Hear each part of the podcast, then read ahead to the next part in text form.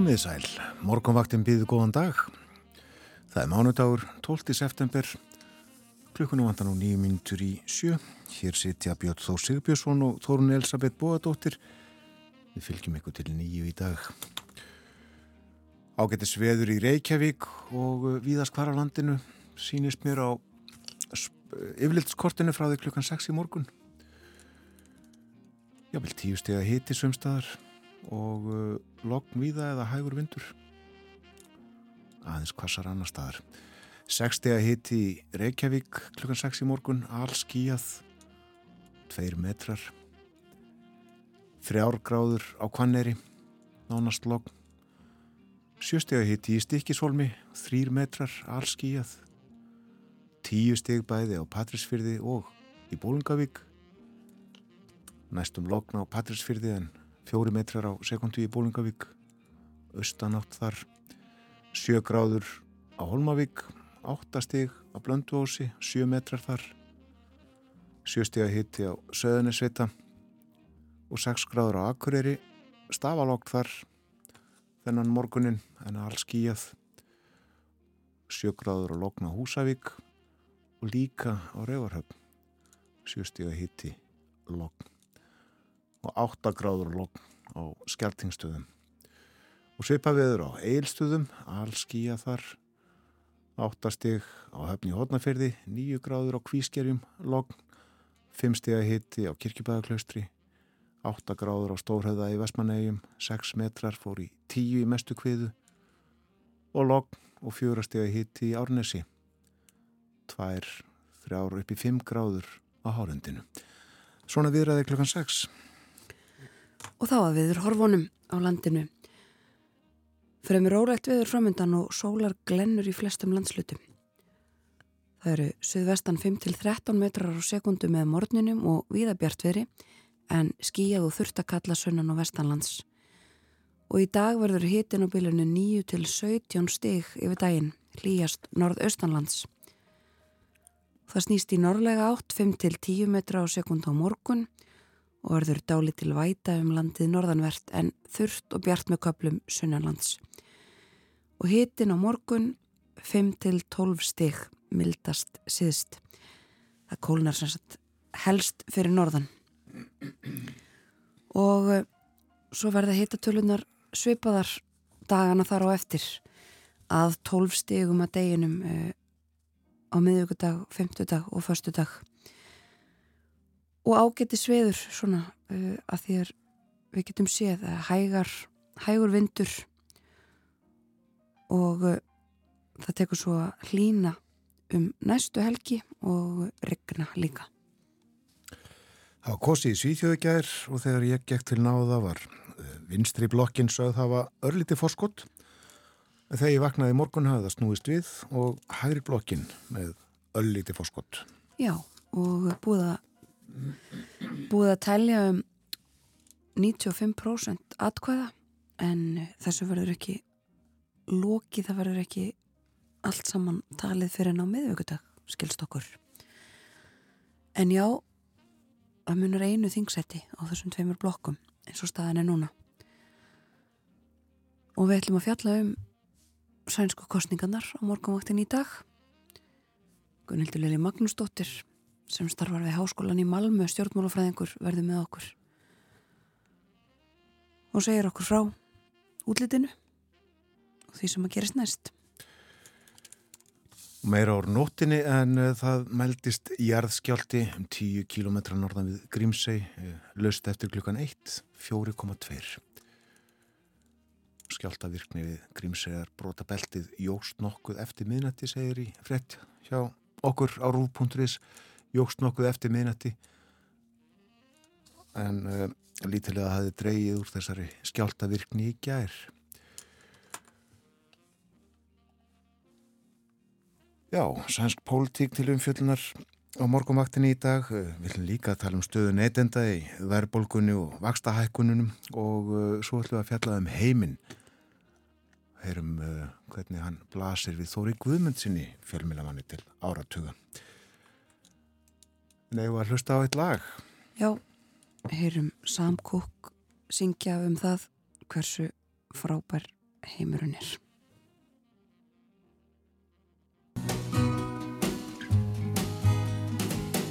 Don't know much about history.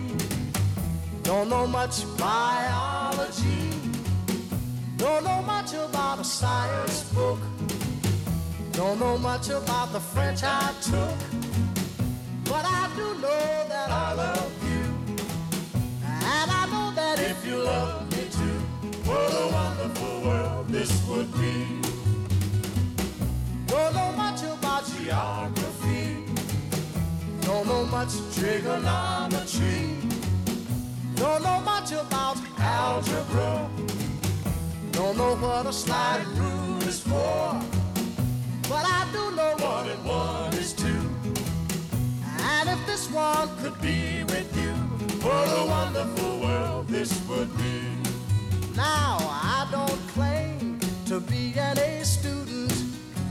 I'm trying to be. For maybe by being an A student, baby, I can win your love for me. Don't know much about history. Don't know much biology. Don't know much about a science book. Don't know much about the French I took.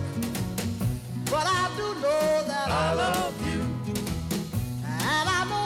If you love me too, what a wonderful world this would be. La ta ta ta ta ta ta. History. Mm-hmm. Biology. Well, la ta ta ta ta ta ta ta.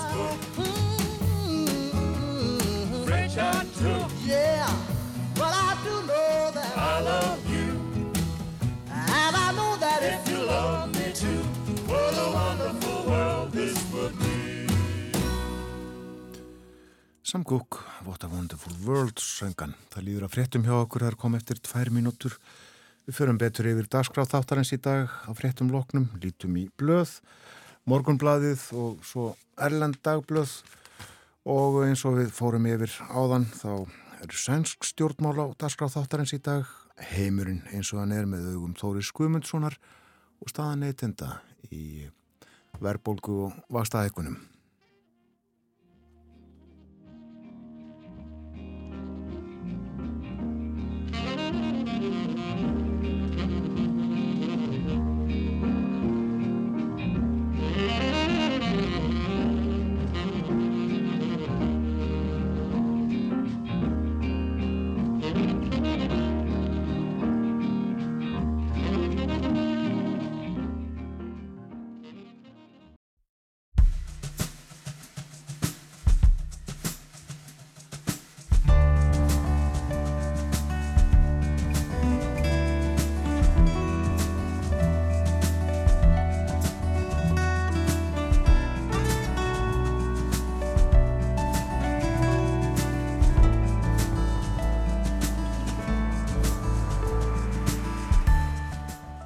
Morgumvaktin hilsar og býðu góðan dag. Í dag er mánudagur komin 12. september.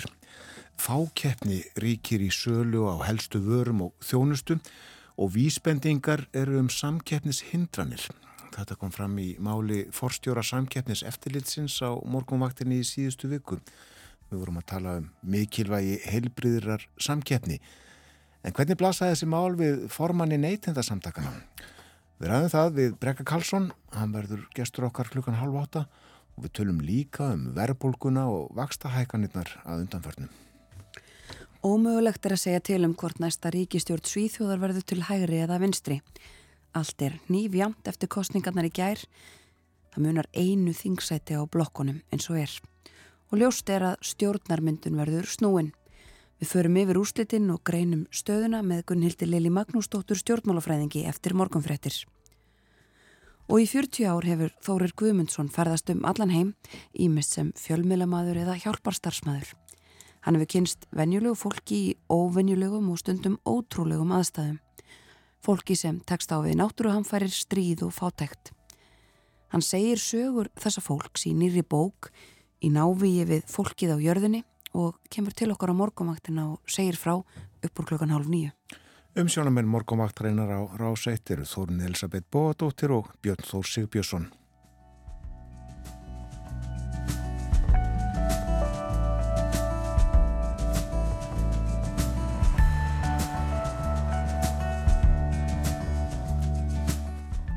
Það verður fremur uh, rólegt veður í dag. Sólar glennur í flestum landslutum segir viðfræðingur í hugleðingum. Suðvestlag átt og myllt í veðri. Skíjaða mestu og úrkomi lítið en byrtir til fyrir norðan og austan og hiti þar að 17 stegum yfir hádægin hlýjast norð-austanlands. Og snýst í norrlæga átt næstu nótt, kólunar heldur í veðri, engum fyrir norðan Dáli til væta norðanlands á morgun en léttir þá til fyrir sunnan. Þú skemmtist aðeins lengra inn í vikuna áðan og uh, talaður um hlýjendum næstu helgi eða ekki Þorun? Jú, það er svona útitt fyrir það eins og staðinni núna. Útlitt fyrir sunnan og suðastanátt með ryggning og heldur hlýnandi veðru um komandi helgi. En fram að því áfram svona hiti á bylinu 4-5 til 12 stig og eh, hægar áttir norðvestlega átt á miðugudag lítilsáttar væta sumstaðar og eh, svona já eh, snýst í hennar ímsu áttir en fremur hægur vindur og skýjað með köplum svona megin stefið sínist mér. Meira veðrið setna í þættinum í dag það er svona um byrj klukkustund rúmlega reyndar síðan tóka Birta í Reykjavík gerðist löst fyrir klukkan 6 eh, einnig í Bólungavík en uh, 6 á Akureyri og uh, það byrti á Rauvarhöfn þegar klukkan var 18 mínútur gengin í 6 en uh, á Kolsvelli svona svipuðum tíma og í Reykjavík. Og sólar uppbrás í Reykjavík var þegar klukkunum vantaði 18 mínútur í sjö fyrir um hálfri klukkustund.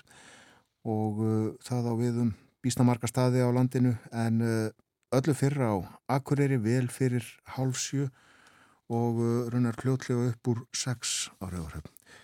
Sólarlag í Reykjavík rétt upp úr 8 aðeins setna í Bólungavík eh, en fyrir 8 á Akureyri og sólarlag á Rauðarhöfn þegar klukkunum vantar 15 mínútur í 8 þetta var þessum gang heimintúnuna hér á morgunvaktinni en uh, við fórum yfir veðurhorfurnar á landinu hér áðan eins og veðrið verður í dag það vil 17 stíða hiti fyrir norðan og austan.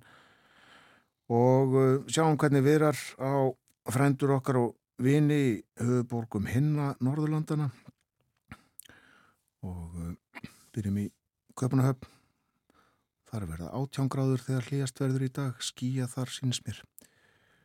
Í Óslo, ryggning svo litil og 15-16 steg í hitti.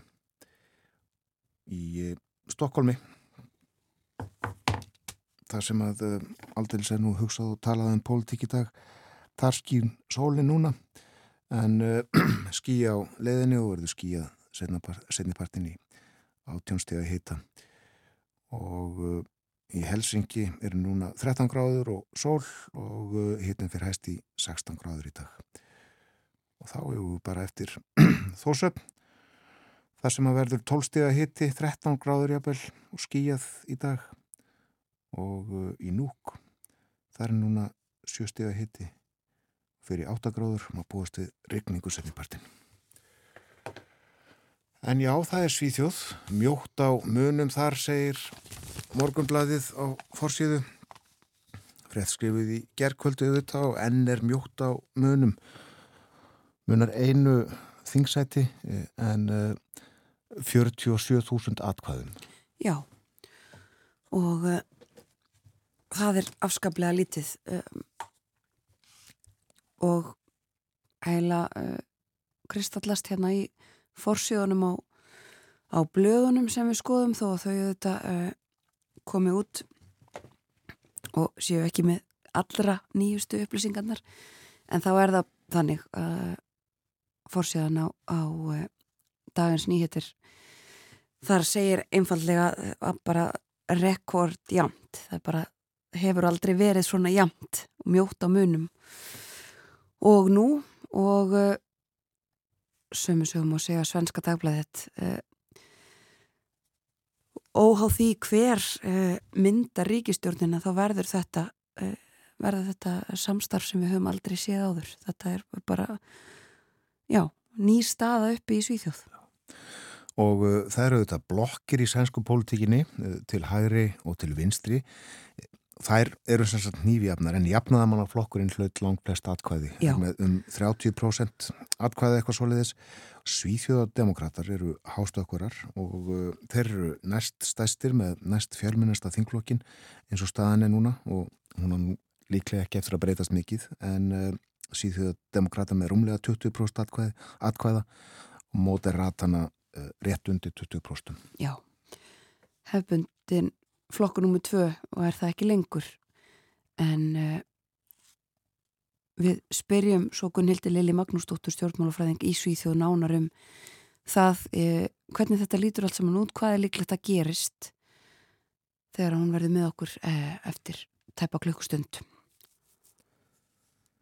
Og það er líka að tala um ferðarþjónustuna á fórstíðu morgunblæðsins og uh, hér er hort fram í tíman að verða að fjalla um næsta sumar.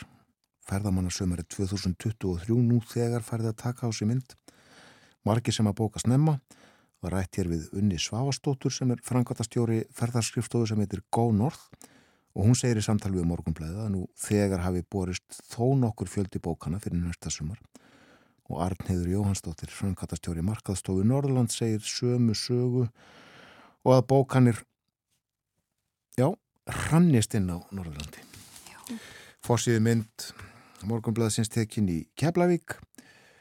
Falleg mynd uh, má sjá uh, menn veiða.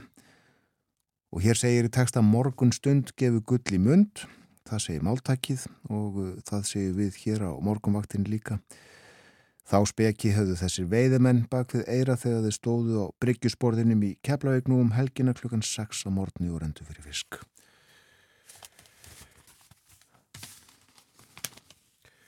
Nú uh, meira úr erlendum fjölmjölum eftir smástund en uh, hlustum á eitt lag og uh, við sækjum það til Svíþjóðar.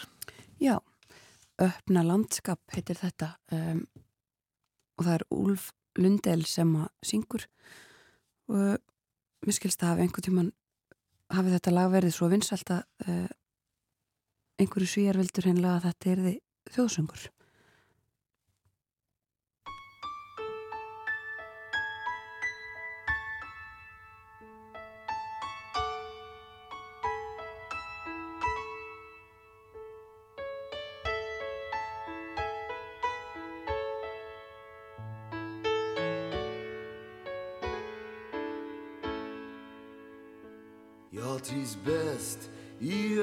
Öppna landskap. Nära havet vill jag bo. Några månader om året Så att själen kan få ro. Jag trivs bäst i öppna landskap. Där vind Där lärkorna står.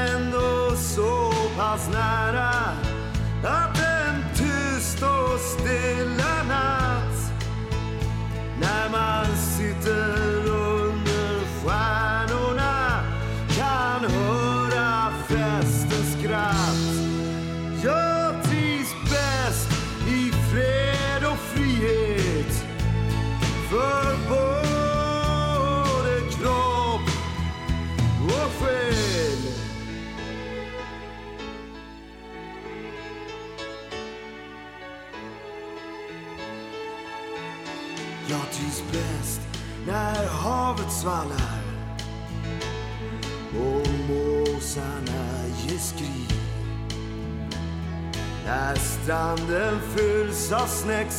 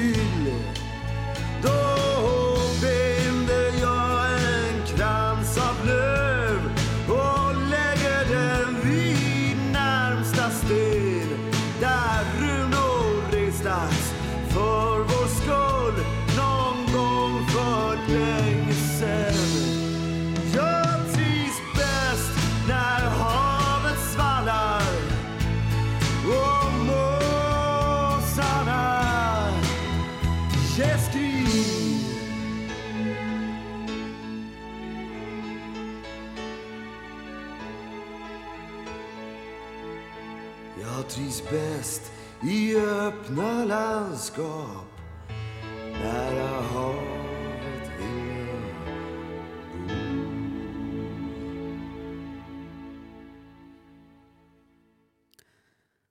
Úlf Lundell öppna landskap. Við erum með hugan í Svíþjóð í dag.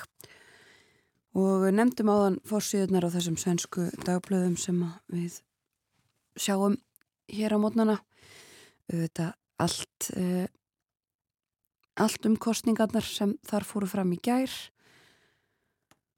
og þessa stöðu sem að uppur komin sem að hefði nú verið spáð undanfarna vikur, allar kannanir bentu til þess að svona færi þetta. Það erði uh, mjög mjótt á munum. En uh, sem fyrir segir meira um sænsk stjórnmál og mál hér á eftir Aftenpústin í Noregi er með hugan í Úkrænu og Rúslandi sömu sögum að segja af uh, dönsku blöðunum og uh, þetta er auðvitað líka tilumfyllunar hér á Íslandi.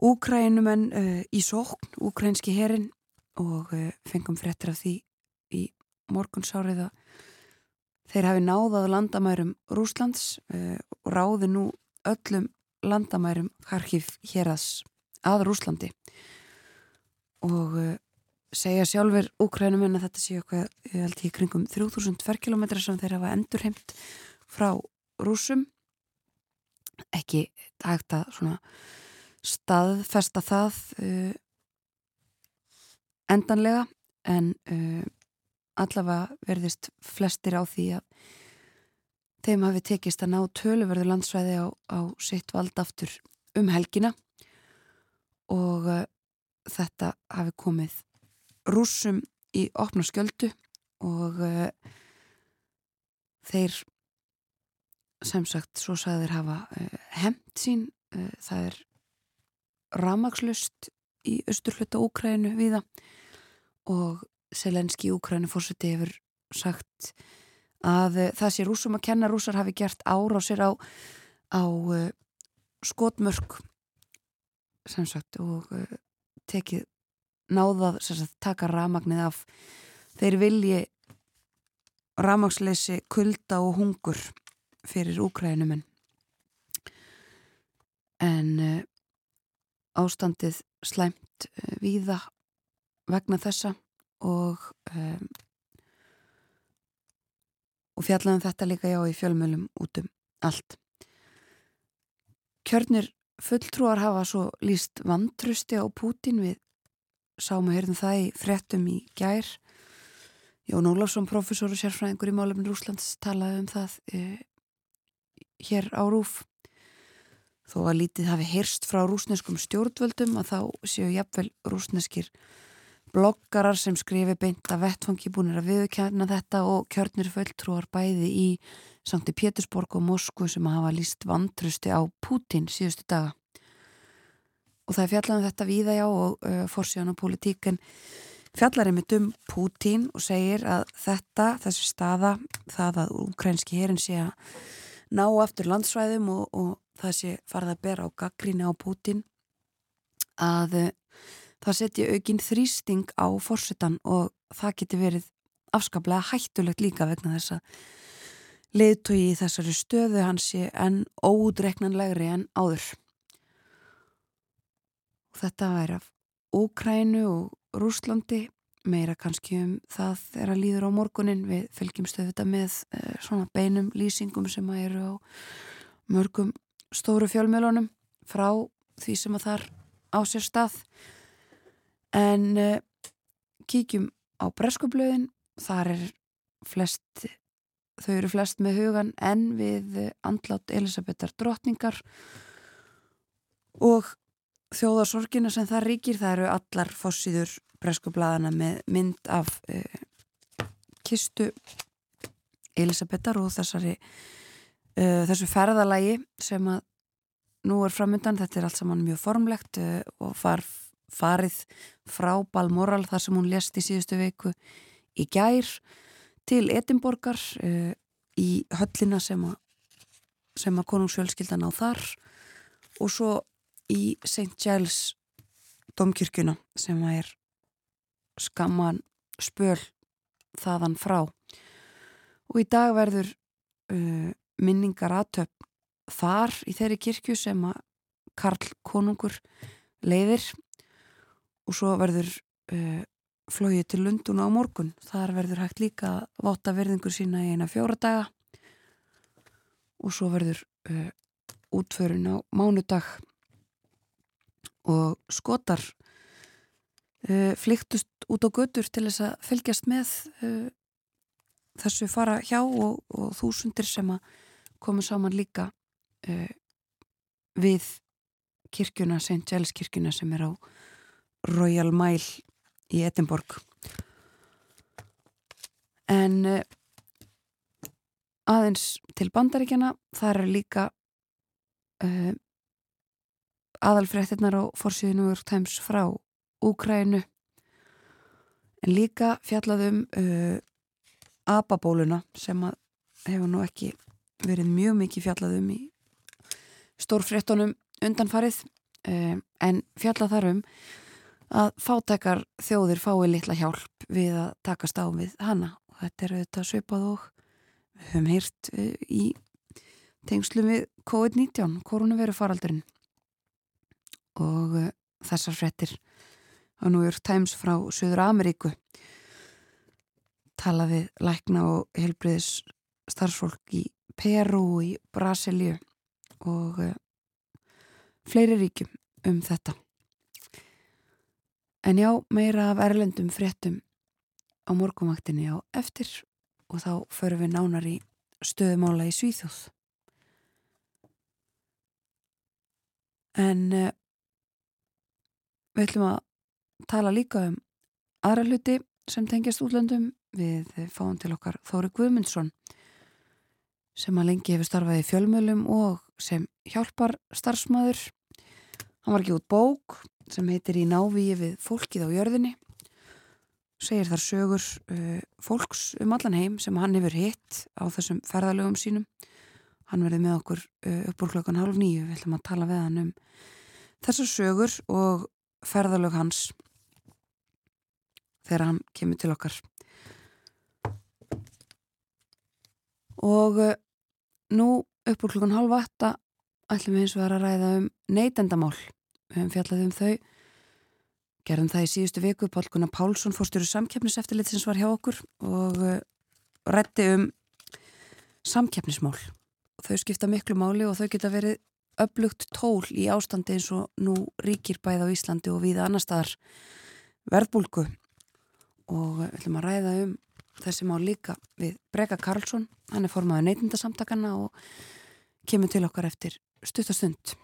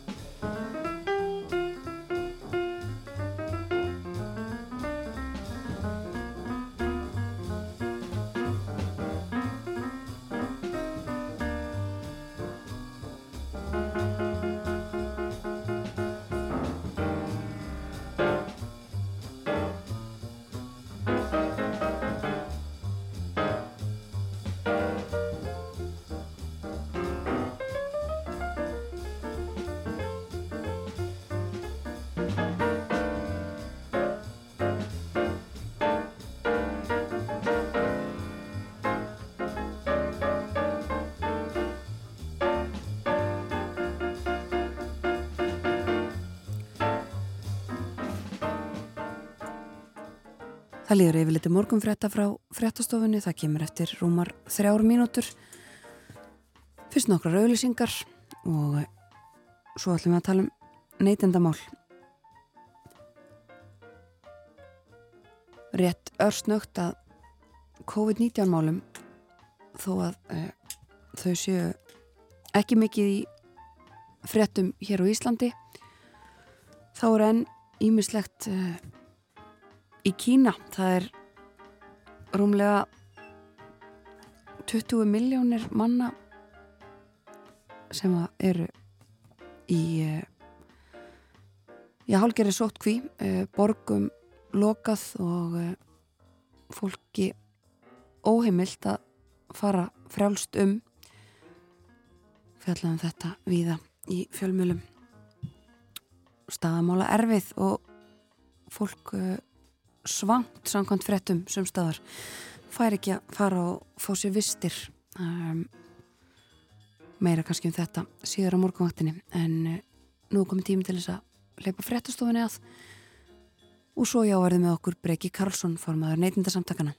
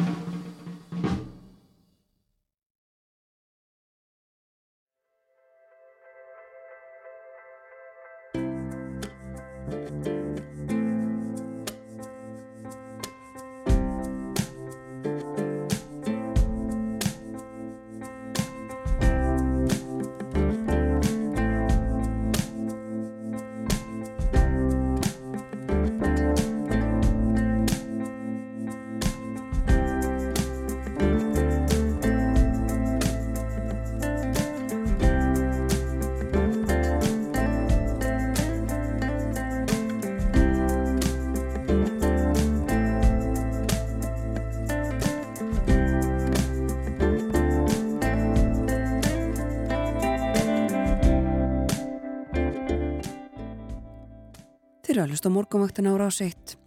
Klukkan liðlega hálf átta þennan mánudags morgun. Það er 12. september í dag. Skíjað í Reykjavík, mildt veður, hæg og vindur og eh, verður ágættis veður viðast hvar. Fallegt höst veður bara.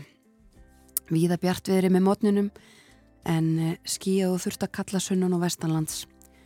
Suðvestan átt í dag 5-13 metrar á sekundu og hitin 9-17 steg hlýjast norðaustanlands. Á morgun dáli til væta um landið norð, norðanvert og norðlæg átt en þurft og bjart með köplum sunnanlands. Svo liti kaldara 5-12 steg mildast síðst á landinu. Og eh, við minnum á það að hér á eftir þá ræðum við um sænsku kostningarnar stöðu stjórnmálana í Svíþjóð það er stendur tæft, það er mjótt að munum munar einu, einu þingsæti eins og staðan er núna búið að tellja um 95% atkvæða. Gunnildur Lili Magnúsdóttir dósend í stjórnmálafræði við háskólan í Malmu segjar okkur nána frá þessu. Það var líka kosið á öðrum stjórnsýslu stegum í Svíþjóð. Við kannski spyrjum hann út í það líka hvort að það sé eitthvað þar sem að svona fer undir radarinn þegar aðteglin er öll á þinginu og þessum, uh, þessari nýju stöðu sem þar er uppkomin. Og svo upp á klokkan hálf nýju er það í návíi við fólkið á jörðinni. Það er Þórir Guðmundsson, fjölmjöla til áratöga og hjálparstarfsmaður sem að er að segja sögur fólks sem hann hefur hitt á ferðum sínum um allan heim og var gefa út bók hann kemur til okkar klokkan hálf nýju og við tölum um fólkið á jörðinni við hann En nú það eru, vaksta hækkanir eru eitt helsta hagstjórnatækið í baráttunni við verðbólgu og því hefur verið beitt hér síðustu mánuði. Í fyrirmyndaríkjum virkar helbrið samkeppni fyrirtækja um viðskiptafinni vel til að halda verla í lágu. Í fræðunum er Ísland ekki slíkt fyrirmyndaríki. Á öllum helstu mörguðum eru tvö, þrjú eða fjögur fyrirtæki ráðandi og þegar svo hátta til er ekki um að ræða samkeppni heldur fákeppni. Þessi mál voru rætt hér í þættinum í síðustu viku. Þá var Pál Gunnar Pálsson, forstjóri samkeppnis eftirlitsins gestur okkar. En í dag er hjá okkur Breki Karlsson, formaður neytendasamtakana. Velkomin. Takk. Hún var ekki glæsileg uh, myndin sem uh, Pál Gunnar dró hér upp á þriðudag, ekki glæsileg fyrir neytendur. En hvernig byrtist þetta þér? Er hér lítil alvöru samkeppni? Já, uh, svo viljaðist vera sem því miður að, að eins og Pál myndist, myndist á að, að, að hér eru bara 2-4 fyrirtæki á, á svona helstu sviðum og þar að leiðandi hérna, er það skilgrind sem fákeppni og, og, og í slíku ástandi þá virðist vera sem að það er mun auðveldara fyrir fyrirtæki að, að koma öllum uh, hækkunum uh, til, uh, út í verðlægið ef að ríkti hér í raun og veru alveg fullkomin samkeppni þá myndu fyrirtækin veigra sér við því að, að velta þeim hækkunum uh, út í verðlægið sem þau verða fyrir og, og finna aðra leiðir. Þannig að, að, að samkeppnin er í raun og veru betri fyrir, fyrir okkur öll að, hérna, að hún, hún ítir undir nýsköpun, hún ítir undir uh, ja, minni verðhækkanir og, og hérna og öllum til heila í rauninni. Fósfarsmenn uh, vestlarana annara fyrirtækja segjast nú alltaf vera í harðri sangjarni. Já, já, jú, jú, jú en, en við sjáum það samt sem aður að, að hérna að, þau eru að senda viðvaranir hérna, í, til kaupallar um að, að hérna, þau séu að búast við því að að græða ennþá meira heldur en þau, þau ætluðu sér í upphæfi árs og, og hérna og í þessu ástandi sem við erum í dag að, að ef það væri alveg samkefni þá myndi þau koma þessum uh, skyndilega fundna gróða út í til neytenda.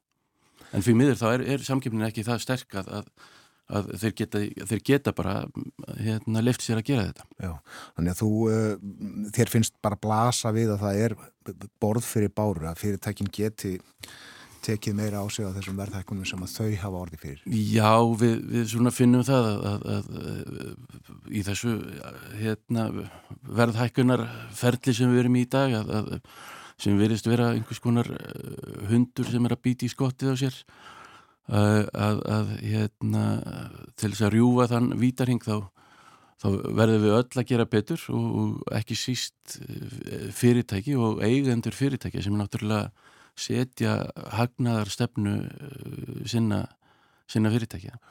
Og í, í, hér á Íslandi þá er það nú þannig að, að lífyrirsjóðunir eiga stærstan hlut í uh, stóru fyrirtækjunum.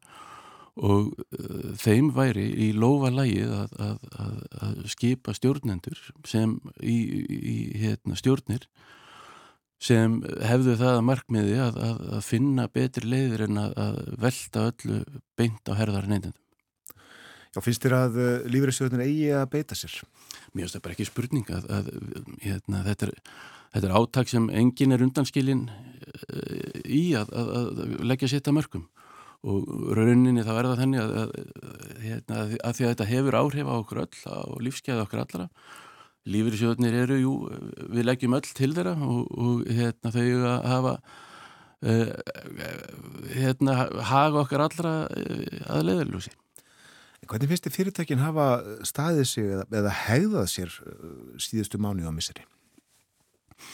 Það er nú svo sem ekki þetta, hérna, það er mjög erfitt að, að, að gefa einhverju engun varðandi það en uh, svona út frá því sem þeim yfirlýsingum sem, sem sum þeirra hafa, hafa veitt og, og, og skýringar á verðhækkunum sem sum fyrirtæki hafa gefið er, þá, þá er það eins og að, að allan að sumum finnist að hérna þau hafi bara rétt á, á ákveðnum hagnaði og ákveðnum og þau reyni að, að, að, að hérna hafi bara leiði til þess að gera hvað sem er til þess að ná þeim, þeim, þeim hagnaðar hérna markmiðum. En við meðum ekki gleyma því líka að ef að hagnaðar, markmiðin eru, eru prósent af veldu þá, þá hérna eikst hún gífurlega í, í ástandi eins og hefur verið undan fyrir nári þegar að, að velta á smásólamarkaði til dæmis hefur aukist, stóru aukist vegna COVID og, og, og, og svo framvegis. Og þess vegna hérna þess vegna hefur, hefur hagur fyrirtækina uh, dapnað og verið bara betri heldur en, heldur en mjög lengi þannig að það er ekki að sjá að, að, að, að uh, þau séu allan á, á, á tölunum að dæma. Ekki að sjá að þau séu að taka á sér neinar byrðar. Eh, fylgist þið hjá nætandarsamtíkonu með eh, verðlagstróninni? Við gerum það svona uh, með, í og með uh, náttúrulega verðlags eftir lit ASI er, er, fylgir þessu svona já, aðalega en, en, en við erum fáum reglulega ábendingar um, um verðlagshækkanir og þá komum við því áfram til ASI að þá skoðum það sjálf eftir því sem við þá og uh, sínist þér að því sem að þú hefur séð og heyrt þetta uh, vera á flestum sviðum samfélagsins? Já, já, við sjáum það nú á, á verðbólku tölum að, að, að þetta er allstaðar því miður og jafnvel, uh, jafnvel í greinum þar sem uh, uh, ekki hafa orðið verulegar hækkanir. Um, það er bara því miður þannig og virðist vera að, að, sum noti tækifæri eins og þetta í þessari miklu verðbólku og hækki uh, hækki verð jafnvel án, án okkur sínilegar ástöði, ástæði og, og hérna en eins og ég segi þetta er, þetta er áttak okkar allra. Við verðum öll að leggja okkar á mörgum og, og þar eru fyrirtæki og, og hérna, eigendur fyrirtækja ekki undanskilin. Pál Gunnar saði í viðtalinu hjá okkur í síðustu viku að í verðbólgu þá slæfist verðvitund fólks sé þetta að hérna, gera ímislegt þegar allir vita af verðbólgunni. Já, já, einmitt. Og, og, og eins og ég segi, sko, fólk er að, að, að það virðist vera sem að, að einhver fyrirtæki uh, noti nýti sér þetta ástand og hækki verð jafnvel án, án nokkurar ástæðu. Og er, er náttúrulega gravalöglegt því að það er náttúrulega eigur þessa, þessa ringavillisu sem, sem eh, verðbólgan er. Og, og, hérna, eins og við töluðum um áðan að í fullkominni samkjæfni þá myndi það ekki líðast að, að fyrirtæki gætu bara hækka verð óforvarendis og, og hérna, án nokkurar ástæðu fyrirtæki myndu uh, finna aðrar leiðir til þess að, að, að ja, skera niður hér eða, eða, hérna, eða, eða finna betri aðferðir og, og, og svo framvegis. Máttu neytenda þess aðu mikill. Er hann raunverulega mikill á Íslandi? Já, ég held að, að, að þegar að við komum saman og þegar að við eh, stöpunuðu fæti þá er máttur okkar mikill og við höfum séð það í þeim málum sem við höfum uh, lagt okkur virkilega fram um uh, þá höfum við náð verulegum árangri.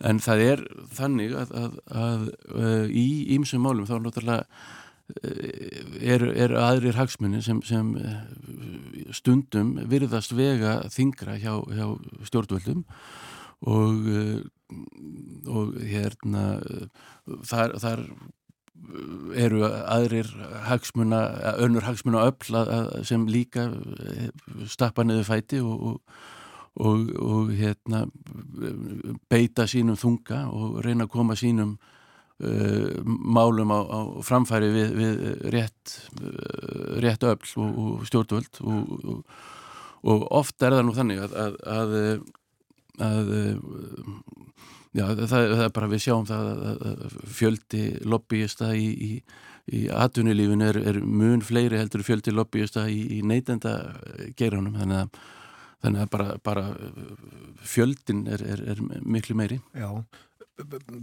útskýrðu þetta aðeins betur? Er það, er það meina sem sagt að, að uh, atunlífi með einhverjum hætti hefur, hefur svona ster, nokkuð sterk tök á ríkistjórnum? Uh, ég held að ekki bara ríkistjórnum heldur, bara stjórnvöldum ég held að, hérna, að bara sá fjöldi fólk sem starfar í uh, hagsmuna baráttunni hérna, ég held að fólk sé ekki þar bara að gera ekki neitt og það er ástæði fyrir því að, að, að, að hérna, þau eru svona mörg eins og þeir eru, ég er nú ekki með töluna en, en hérna það, er ímins hagsmennu öll sem hérna og, og, og gott og vel, jú, allir hafa rétt á, á, á að, koma sínum sjónameður á, á framfæri.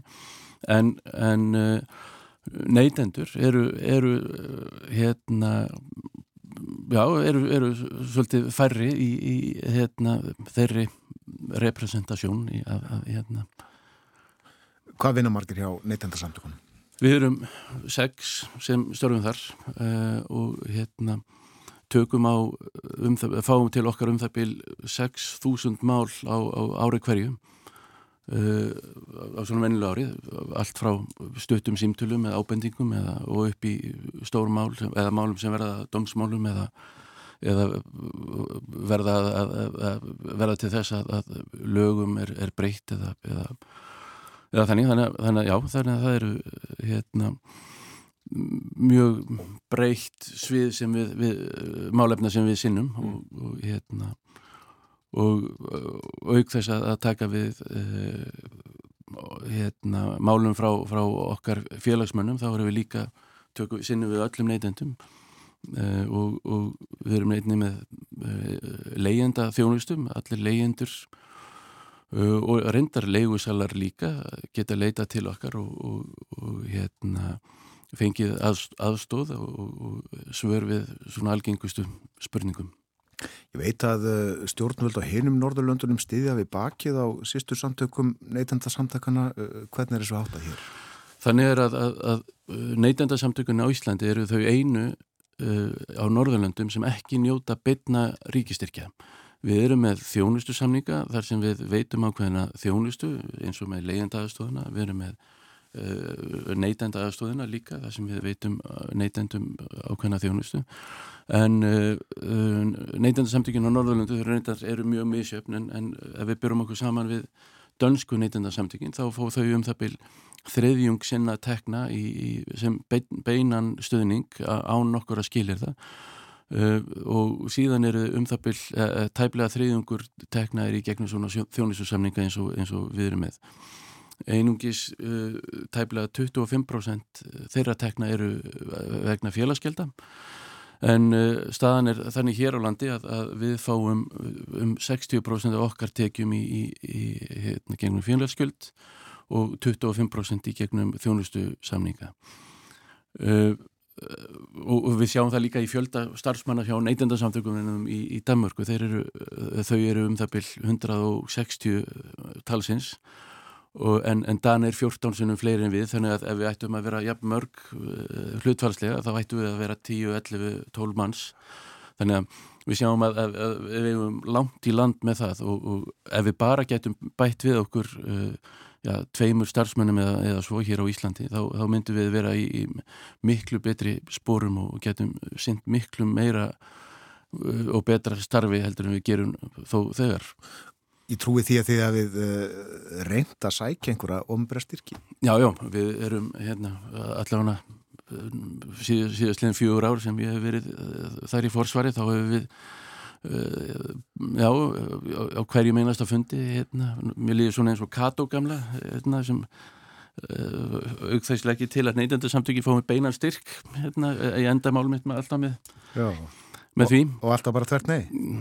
Það er, já, já, við, við skulum sjá, við, hérna, okkur er haldið í voninni, það er, hérna, en, en, en hérna, við skulum sjá hvort að, hvort að hugur fylgi í raun máli. Já, það er líklega alltaf þörf fyrir eh, öflun neyðindarsamtök en, en líklega aldrei meiri en í svona ástandi eins og er núna í, í verbolgu og vakstaðakunum. Algjörlega, algjörlega og, og hérna, og við bara hvet fólk til þess að, að gerast félagsmenn, að, að skrá sig hjá eh, neitundarsamtökunum að það munar um hvern einasta félagsmann Er, mun, er margt fólk í samtökunum? Það eru um 8300 núna en, en því fleiri því, því betra starf getur við unnið og, og hérna ef við má halda áfram að auglýsa okkur þá, þá kostar 6.500 krónu árgjaldið og hefur ekki hækkað hérna undanfærin ár og, og hérna Uh, og, og fólk getur farið á ns.is skrá og, og, og gengið í, í samtökinu. Já.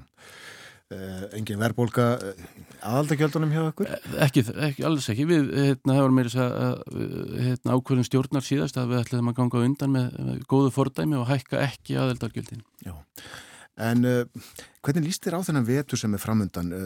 Því nú spáð að verðbólgan eigi enn eftir að aukast áður hún fer að lækka aftur og þá er nú viðbúið að vexteinni verði hækka er enn frekar. Það eru framundan kjærasamningar heldur þetta verði já, snúin vetur fyrir margt fólk. Þetta verður mjög snúið og, og, og, og við, getum, við sjáum það til dæmis að, að, að við erum með svipaða verbulgu og annar staðar í Európu um, en, en alltaf sjösunum herri stýrivexti hér á landi heldur en annar staðar og hérna þrátt fyrir þær skýringar sem, sem Sælabankastjóri hefur gefið fyrir því þá, þá, þá verður ég bara að játa það að, að við skiljum ekki af hverju við þurfum að, að ganga á undan með svona gífurlegum hækkunum sem koma bara niður á, á heimiljónum uh, og, og, hérna, og þeim sem hafa og eru með lán nú þegar uh, þetta, þetta hefur gífurlega áhrif ekki bara á, á, á slæri ekki bara á hérna að, að að færri vilji taka lán í, í framtíðin heldur slæri þetta líka hérna og kemur mjög við veskið hjá fólki sem nú þegar eru með lánu og við erum að fá tilkynningar um það og ábendingar um að, að, að nú þegar að, að fólk, uh, þetta sé að verða fólki ofviða í, í hérna að greiðsluberiði lána hafi hækkar nú þegar það mikið að, að það sjá ekki fram á að geta greitt af þessu. Þannig að þetta er verið að, það er verið að með þessum já, gífulega hækkunum sem, sem ekki finna sér stað annar staðar í, í vestarænum heimi að, hérna, svona miklar hækkanir og á svo skömmum tíma uh, og í, í svona stórum stökkum líka. Og það er það sem aðri sælabankastjórar hafa bent á að, að það eigi að taka þessi skref í miklu miklu hérna, minna færri, færri og, eða, eða skemmri skrefum uh, til þess að kollvarpa ekki öllu og, og ekki það að ég sé allir að, að, að hérna, uh, vil ég grýpa þau störf sem, sem unnin eru í, í, í sælabankunum en, en, en ég vildi samt sem aður benda á þetta og, og hérna, að, að þetta hefur viðtæk áhrif uh, og, og hérna uh, og Sæðlabankastjóri lét nú hafa eftir sér að hann vildi uh, endilega að, að fólk hætti að, að eigða peningum. Uh, ég hefði freka vilja sjá Sælabankastjóra beina orðum sínum til, til fyrirtækjana og segja þeim að hætta að, að hækka verða því það er það sem held, veldur verðbólku ekki það að, að fólk sé að kaupa sér salt í greitin Já, þau þurfi ekki að greiða svona mikið Nógulega. Og sama með bankana finnst þér að þeir geti svona stutt betuði baki á fólki? Já, já, og við sjáum það, við sjáum það fyrir nokkrum árum þegar að Sælabankin hóf vaksta lækunar ferðlið sitt og þá, þá tók það marga mánuði að, að, hækka, að lækka vexti að fylgja í kjölfærið og þurfti í rauninni uh, róp og köll ofn úr svörtulöftum til þess að, að áðurna þeir uh, svona fylgdu á eftir en núna þegar að Sælabankin uh, tilkynir um, um vaksta hækkanir þá eru þau bara, hækkanirnar eru verðast vera mjög auðveldari heldur en heldur lækkanirnar á, á sínu tíma. Það er Guðmur Sáni Guðmur Sáni því miður. Og kemur inn á það sem við byrjuðum að tala um að fákeppnin er, er slík að, að ef það væri í raun og veru uh, samkeppni hér þá, þá væri miklu, miklu mun erfiðara að, að, að koma þessari hækkun, þessum hækkunum út í, í verðlegið Ljúkum við svo að þessum orðum. Þakkaði kellaði fyrir að koma að henga til okkar á morgunvaktina í dag Breki Karlsson formaður, formaður neytindasamtakana Það líður að frettum hjá okkur, þar kom eftir 6 uh, mínútur, uh, fyrst auðlýsingar allt með hefðbundum hætti hjá okkur. Í þettinum í dag geta þess að vegagerðin beinir því til vegfaranda töluvert er um framkvæmdir á höfuborgarsvæðinu og í nágreinu þess vegferendur beinir um að virða merkingar og hraðatakmarkanir sína aðgátt við vinnusvæðin. Og uh, það er unnið að lagfaringu á slitlægi á Haldón heiðinni sem ekki erum ef farið er milli táknafjörðar og bíldudals. Og uh, það er þrenging á vegi, hraði tekið niður og uh, svo er uh, verið að vinna við klæningu á Dinjandisheiðu og maður búast við umferðatöfum þar í dag og næstu daga frá Norddals á að Þverdalsvatni og inn á Bíldudalsveg. tilkynningar frá vegagerðinni.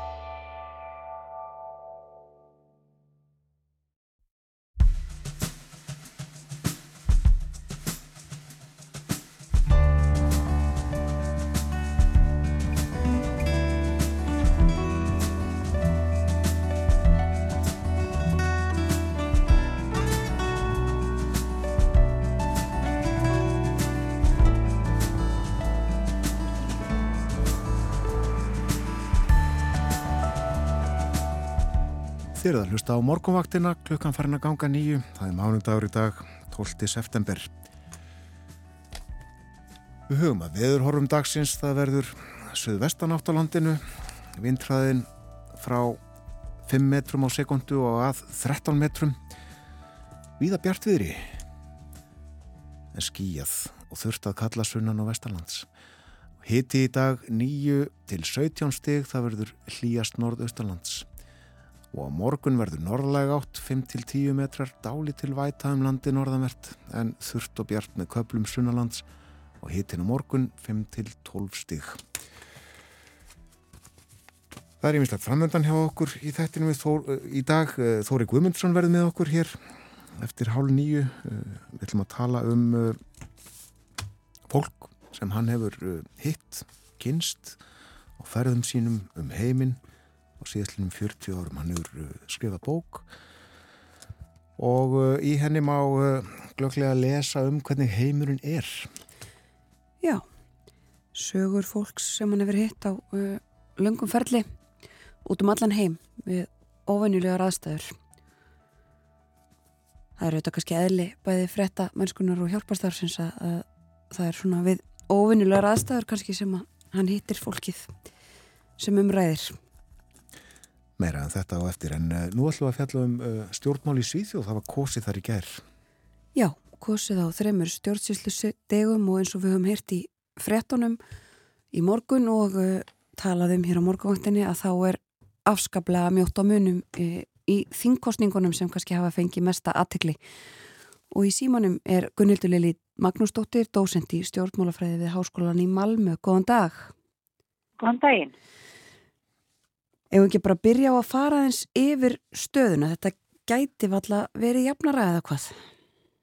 Nei, eins og, eins og þú sagðir, það er ákala mjög munum, en eins og staðinni núna þá e, lítur þetta út fyrir að við munum líklega sjá stjórnarskipti. E, það munar einu tingsæti á e, núverandi eða ríkistjórninni og, og þeim flokkum sem stýðja ríkistjórnina, henni svo kallu vinstri grænu blokk og eh, svo hins vegar borgarlegu blokkinni þar sem að Svíþjóðdemokratnarnir unnu stórsigur og eru e, nú næstæsti flokkurinn í, í Svíþjóð. Og svo blokk hefur sem sagt e, meiri hluta núna og, og það er búin að e, telja um 94% atkvæða en það er svakala mjóttamönnum, það eru á eftir að telja um 200.000 atkvæði samkvæmt síðustu tölum og það eru það skilur um það 46-7 þúsund atkvæða melli blokkana. Það er sem sagt um það beil 1%. Og þetta, góðu, og þetta er í góðu samræmi við uh, skoðanakannanir dagana fyrir kostningar? Já, það er það. Þetta er, þetta er kannski ekkert sem kemur sérstaklega óvart. Uh, og það sem er kannski er aðtiklisvert er það að við sjáum skarpar átakalínur á milli landsbyðar og, og, og stórborgar. Við sjáum það til dæmis að Uh, jafnar menn uh, vinna uh, til dæmis góðan sigur í bæði Stokkólmi og Gautaborg og þeir halda þessum þrejum stórborgum. Þeir eru stæstir í, í Stokkólmi, Gautaborg og Malmö núna og það er kannski ekki alveg í samræmi við þá umræði sem við hefum séð mikið fjölmjölum um það að hverjir eru það sem að finna fyrir mestu óöryggi þegar kemur það til dæmis gengja glæpunum sem er eitthvað mikið í fjölmjölum og, fjölmjölum og eru þetta hátt að forganslista kjósunda. Svíþjóðademokraternar hafa verið svo flokkur sem að kannski hefur átt svolítið þann málaflokk og þeir eru samkvæmt kostningar núna þá eru þeir sterkastir á landsbyðinni þar sem að fólk kannski auðvitað samt sem að finnur minna fyrir gengja tengtum glæpum. Já, einmitt, það er aðtöklusvert. Þannig að þar sem að gengja tengdu glæpinir eru hvað mestir, þar er uh, já, fólk ekki að kjósa Svíþjóðademokratana í ja, miklu mæli. Nei, en það má kannski líka segja það að, að þrátt fyrir að gengja tengdu glæpinir séu ofalega á forganslista þá fá það kannski meiri aðtikli heldur en Eh, já, forgámsröðun kjósanda segir til eh, þeir eru, það eru samt sem að heilbreyðismálinn eh, mentakerfið og ímis önnur mál sem eru ofar á, á lista kjósanda mm. en Svíðjóðdemokratin eru samt sem að þeir eru klárlega segjuðaður kostningan og þar eru kannski ekki lög og regla og, og þessi gengjategndir mál endilega það er ekki bara það sem dregur kjósendur að þeir hafa breykkað mjög málefnalega á síðust árum og þeir hafa unnið jæmt og þétt eh, í öllum kostningum frá því komistinn að þingari árið 2010. Þannig að þeir eru þetta líka að höfða til til dæmis fólks á minnistöðum sem að um, já, tengir ekki við, við flokka sem að þeir, fólk, þessum fólk kausa áður. Þeir hafa til dæmis tekið fylgi, telstfylgi frá um, jafnarmennum og þeir hafa kynnt sig, Svíþjóðdemokrátum hafa kynnt sig sem er nýja verkamannaflokk og þar verðast þeir hafa náða árangri á, á landsbygðinu. Ymmitt. Já, þeir eru útfyrir að sjöfara þessara kostninga eins og þú segir. Uh, Jafnáðumannaflokkurinn uh, heldur sinni stöðu sem stærsti flokkurinn en er eitthvað svona í þessu sem að, sem að koma óvart með að við, með að við kannanirnar sem við töluðum um við í síðustu viku? Já, það er ennþá mjög á mununum uh, kannski það, það er, og ég myndi segja kannski að úrslitin í stórborgunum er, er, er það sem ég myndi á að það eru mjög aftiklisvert og líka á sveitasjálfnastíðinu. Það sem að kannski er aftiklisvert líka er það að uh, græningjar sem að kannski hafa átt svolítið málaflokkin þegar kemur á loftlagsbreytingum og umhversmálum almennt Þeir, þeir bæta við sig en þeir hafa samt sem áður uh, verið í, í vandræðum og þeir ná ekki til dæmis vel til ungra kjósenda þrátt fyrir að ungir kjósendur uh, sé til oflasmálinn efst á sinn forganslista. Þannig að það, það er líka eitthvað sem að, þeir græningar fyrir að fara í og sögman á af hverju, af hverju er það. Já. En, en annars myndi ég segja að það er kannski ekki margt sem kemur óvart það sem við sjáum samt sem áður er það að e, frjálslendir sem að voru fyrir nokkur mánuðum við það að falla út á þingi þeir halda sér ná þingi en þeir eru samt í söguleg lágmerki. E, og það er hugsanlegt að kjós, einhverju kjósendir þeirra sé að refsa þeim fyrir að opna upp e, þetta samstarfi við Svíþjóðdemokratana En, en samt sem er áður ekki, ekki, ekki það mikið að þeir, þeir hafa verið að vinna á síðustu mánu en það er viss klopningur innan borgarleifblokkarnar um, sem að bæði síðan og frjáslendi tilheyra en um, hluta skýringunni samt sem áður af hverju borgarleifblokkin er öllítið stærri núna gæti verið svo að það er ennþá floknaður staða hjá vinstri grænublokkinu og hugsalega meiri fleiri ágrenningsmál þar. En staðan er mjög erfið þegar kemur að, og flókin þegar kemur að uh, því að mynda nýja ríkistjórn. Alveg sama hvort það verður uh, borgarlega stjórn, uh, þar sem að flóksleitægi mútir aðtana verður vantarlega fósittisráður efnið, eða hvort það verður áframhaldandi vinstri græn stjórn þar sem að núverðandi fórsættisraðara Magdalena Andersson reynir að mynda nýja stjórn. Já, þetta er ekkert klappað og klárt. Þetta var ekki teiknað upp fyrir kostningar svona ólíkar sviðsmyndir eins og sagt er. Það taka við flokna sanningavirðaður, stjórnamynduna virðaður. Það taka við, já, virkilega og í raun og verum á að segja að kjörtímabilið sem nú er að, er að líða eða nýliðið það hefur einkennst að alls konar stjórnakreppum og endalusum samningavirðan uh, fyrir ríkistjórnina þar sem að hún nýtur bæði stuðnings uh, miðflokksins og, og, og vinstiflokksins sem eiga alls ekki vel saman höfmyndufræðilega séð og borgarlega stjórnmenn vantalega sitja í, í, í, að vera í svipari stöðu þar sem að E, frjálslindir eru til dæmis ekki tilbúinir að sleppa Svíþjóðdemokrátanum í ríkstjórn en Svíþjóðdemokrátanum er núna stærsti flokkurinn innan borgarlega blokkarinnar og þeir, þeir eru faktist eini flokkurinn sem að jók fylgi. Allir hindi flokkarnir innan borgarlega blokkarna nánastóði stað eða mingaða svisi fylgin. Þannig að þeir hafa ótrúlega sterkast stöðu innan borgarlega blokkarinnar en það gæti samt sem að vera erfitt fyrir þá að, að já, vera samþýttir inn, í ríkistjórn ef að, að frjálslindir standa fastur af því að þeir stiði ekki ríkistjórn með, með svíþjóðdemokratana innanbors. Já, sko uh, síðast þegar að stjórn var mynduð þá tók það tölurverðan tíma er það ekki? Og það er líklegt að það geti tekið hvað, ennþá lengri tíma núna, hvernig... Uh, Já, það tók, jú, það tók 140 daga, hvorki meirinu minna að mynda stjórn síðast en ég horfði nú á, á viðtali við, við fósitt og þingsins núna í morgun sem leitti þetta ferli síðast fyrir fjórum mánu síðan og hann bjóst nú ekki við því að það myndi taka 140 daga og, og, og kannski var bara ábyrginu svolítið á flokkan að þeir væri nú meðvitað um það að þetta væri ekki eitthvað sem að um, ætti að endur taka sig. Og ég held að flokkarnir sé líka meðvitaðan það að þetta sé ekki stað, neina óskastað og sérstaklega þar sem að já, staðan í Evrópu er allt öðruvísi heldur nú var, eða öðruvísi heldur nú var fyrir fjórum árum uh, það er þetta stríð í Ukrænu og uh, það er þetta hvað kemur eftir COVID, það er orkumálun og einhvert annar Þannig að ég held að flesti flokka sér samála um það að það væri óskandi að, að þá starfandi ríkistjóð sem fyrst. Já. Það er uh, eh, þingfossetinni það ekki sem að veitir stjórnarmyndunar umbóðið? Já. Akkurat.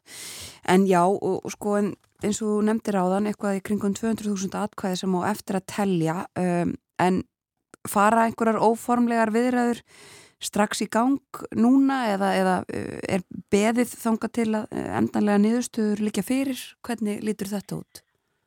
Nei, ég ger alveg ráð fyrir því að það sé óformlega viðræður bakvið tjöldin og, og, og voru það fyrir kostninga líka og það getur vel verið að það verði komið fram tillaga um, um, um ríkistjórn. Eh, þingi kemur ekki saman formulega fyrir 27. september En, eh, og þá eh, þetta kemur ljós eh, þá hefast þess að formulega stjórnamyndina viðraðis en það getur vel verið að, að það verði komin já, nánast skotthælt til það þá en er þetta er, svona, þetta er mjög flókin staða því að, að við hefum eftir að sjá hvað uh, fórsýttisar á þeirra fráfærandi segir, hún er þetta samt sem áður flokksleita stærsta flokksins á þingi. Þannig að uh, það er vel líklegt að þó að hún segja af sér að hún, hún fái uh, stjórnamyndunar uppbóði fyrst. En það er mjög erfitt fyrir, fyrir hann að, að mynda starfa ríkistjórn. Kanski, já, með þetta aðeins er verið heldur fyrir borgarlegu blokkina. En, en þetta er mjög flókinstaða og það sem að flokkarnar á miðjuna, annars er miðflokkurinn og, og frálslendir hafa kannski benda og þess fyrstaklega miðflokkurinn hefur benda á er það það væri hugsanlega hægt að mynda uh, stjórn yfir þessa blokkalínur sem að uh, sterkast stjórn með, flokkan á miðinu með jafnamenn og moderatana, hófsama hægrimenn á innanbors en hófsamar hægrimenn þeir hafa lokað á þann möguleika. Þeir vilja eftir átta ári stjórnarnarstöðu þá vilja þeir mynda borgarlega stjórn. Þannig að ég trú að það verði það sem við munum sjá. Já, en hvað hafa ég með flokksleitóðanir sagt? Sko þeir hafa allir verið mjög vaskáris í nótt. Þetta var svakalega spennandi e, kostningarnótt og er ennþá. Og það í fyrsta lagi vegna þess að það er svona mjóttumunum en líka vegna þess að það tekur nokkra daga að telja utankjörstaða afkvæði Eh, ég myndi giska á það eða, eða spá því að, að þessi, þessar stölur minni halda. Aðalega vegna þess að þau utankjörsta aðkvæði sem á eftir að telja koma frá útlöndum og sögulega síðan hafa það verið borgarlega flokkarnir sem hafa átt eh, mest af þeim aðkvæðin. Þannig að mér veit líklar að þeir styrki kannski stöðu svona aðeins frekar en að, að jafnaði menn eh, vinni á. En það hefur samt sem náður, við, ég sá það núna í morgun samkvæmt í nýjus til maður munin hefur mingað ennþa meira frá því bara núna klukkan þrjú eða fjögur í nótt. Þannig að ég, það hafa allir verið mjög valkáris en, en hjá ég uh, hósamar hægrumanna, að segja moderatana, hann uh, vil mynda stjórn allavega með kristdemokratunum sem nýtur stuðnings síðjóðdemokratana og uh, frálslendra. Uh, síðjóðdemokratunir eru til sjönda himni. Þeir, þeir eru ótvíður sigurverði þessar kostninga og þeir hafa í fram að þeir vilja gætna sitt í ríkistjórn uh, þar sem þeir eru stærsti borgarlega flokkur núna. En það er svolítið að reynda að sjá hvernig, hvernig það ágerast nema e, frjálslendir kúvendi og ákveða samþykja e, síðjáttamakáttana í inn í ríkistjórn þannig að frjálslendir eru svolítið í óttastöðu trátt fyrir að þessi pínuleikist Eitthvað fleira sem að vakti aðtikli í niðurstöðunum?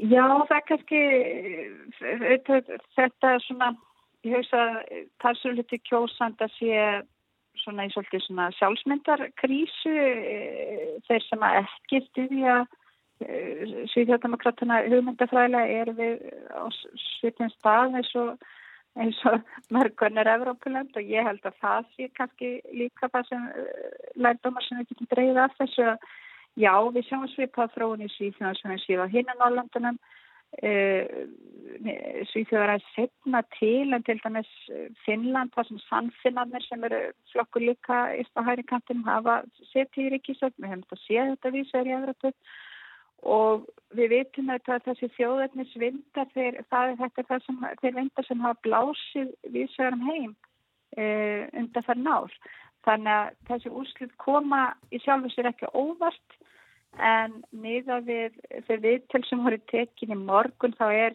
þetta í annarkorta fólk eh, að vonast til eh, þess að við sjáum stóra breytingar henni svíþjóð þeir sem að styðja borgarlöfblokkina eða þeir sem eru uh, hrættir við svíþjóðdemokratana þeir, þeir eru er svo litið sjokkeraðis Fylgið hefur vaksið stöðugt í því ár sem að þessi flokkur hefur verið til og bóðið fram. Já Þeir byrjuði komist inn á þing 2010 með uh, tæplega 6% fylgi og, og þeirra fylgi hefur vaksið jæmt og stöðugt og það sem kannski hefur haldið þeim svolítið í sviðslösin er það að eh, allir hini flokkarnir að þingi, þingi hafa stöðugt verið svona, uh, já þeir hafa verið svona stöðugt að ræða það fram og tilbaka bæði á, í þinginu og í fjölmjölum hver er okkar afstafa gagvast síðhjóðdemokrátunum. Viljum við vinna með henn, getum við vinna með henn, eigum við algjörlega að hunsa þá, eigum við að frista það úti? Og þeir hafa verið að ræða svona allskynns, já, hvernig eigum við að taka á, taka á þessu fyrir, fyrirbæri. En nú er staðin að það er svo að fengtungur kjósenda hér í Svíþjóð kýs Svíþjóðdemokratuna og að mörgu leiti eru þeir orðnir orð, orð, já, íhaldsamur hægri flokkur, þeir eru ekki svona eins málefnisflokkur eins og þeir voru þeir eru komist inn á þing þannig að þetta er bara svo, þetta er svo raunveruleiki sem við búum við og það týðir, það, það týðir ekki fyrir flokkana sem ekki að vinna með síðjóðdemokrátanum að samt sem ára hunsa eh, 15 kjósenda. Það, það er ekki heldur þannig sem að eh, líðræði virkar. Einmitt það, við fylgjumst áfram með uh, þessu, uh, er ekki talað um að það verði búið að uh, tellja öll atkvæðin á, á miðvíkudag? Miðvíkudag, fymtudag, Já. eitthvað svo leys. Einmitt, og þá vitum við hver endanlega staða er og hvernig þetta gæti farið allt saman. Kærar þakkir fyrir að vera með okkur á morguvaktin í dag, Gunnhildur Lili Magnúsdóttir. Takk sem að leys. Laum kostninganótt í Svíþjóð og hún er eiginlega ekki liðin. Nei, uh, þetta kemur ekki ljós eins og Gunnhildur Lili sagði fyrir ná miðvíkudag, fymtudag. 200.000 atkvæði sem eftir er að telja. Og uh, þá taka við uh, stjórnamynduna viðræður. Já, sem gæti orðið mjög flóknar en eins og hún sagði okkur, uh, allir meðvitaður um það að staðamála er erfið og uh, það rýður á að taka ekki svona langan tíma eins og síðast. Það voru ykkur þrý mánuðir sem að tóka myndaríkistjórn þá. Við vöktum þetta áfram hér á morgunvaktinni. Já. En uh, framöndan er réttaðifilið hjá okkur, fyrst auglýsingar, svo verður Þóri Guðmundsson gestur okkar.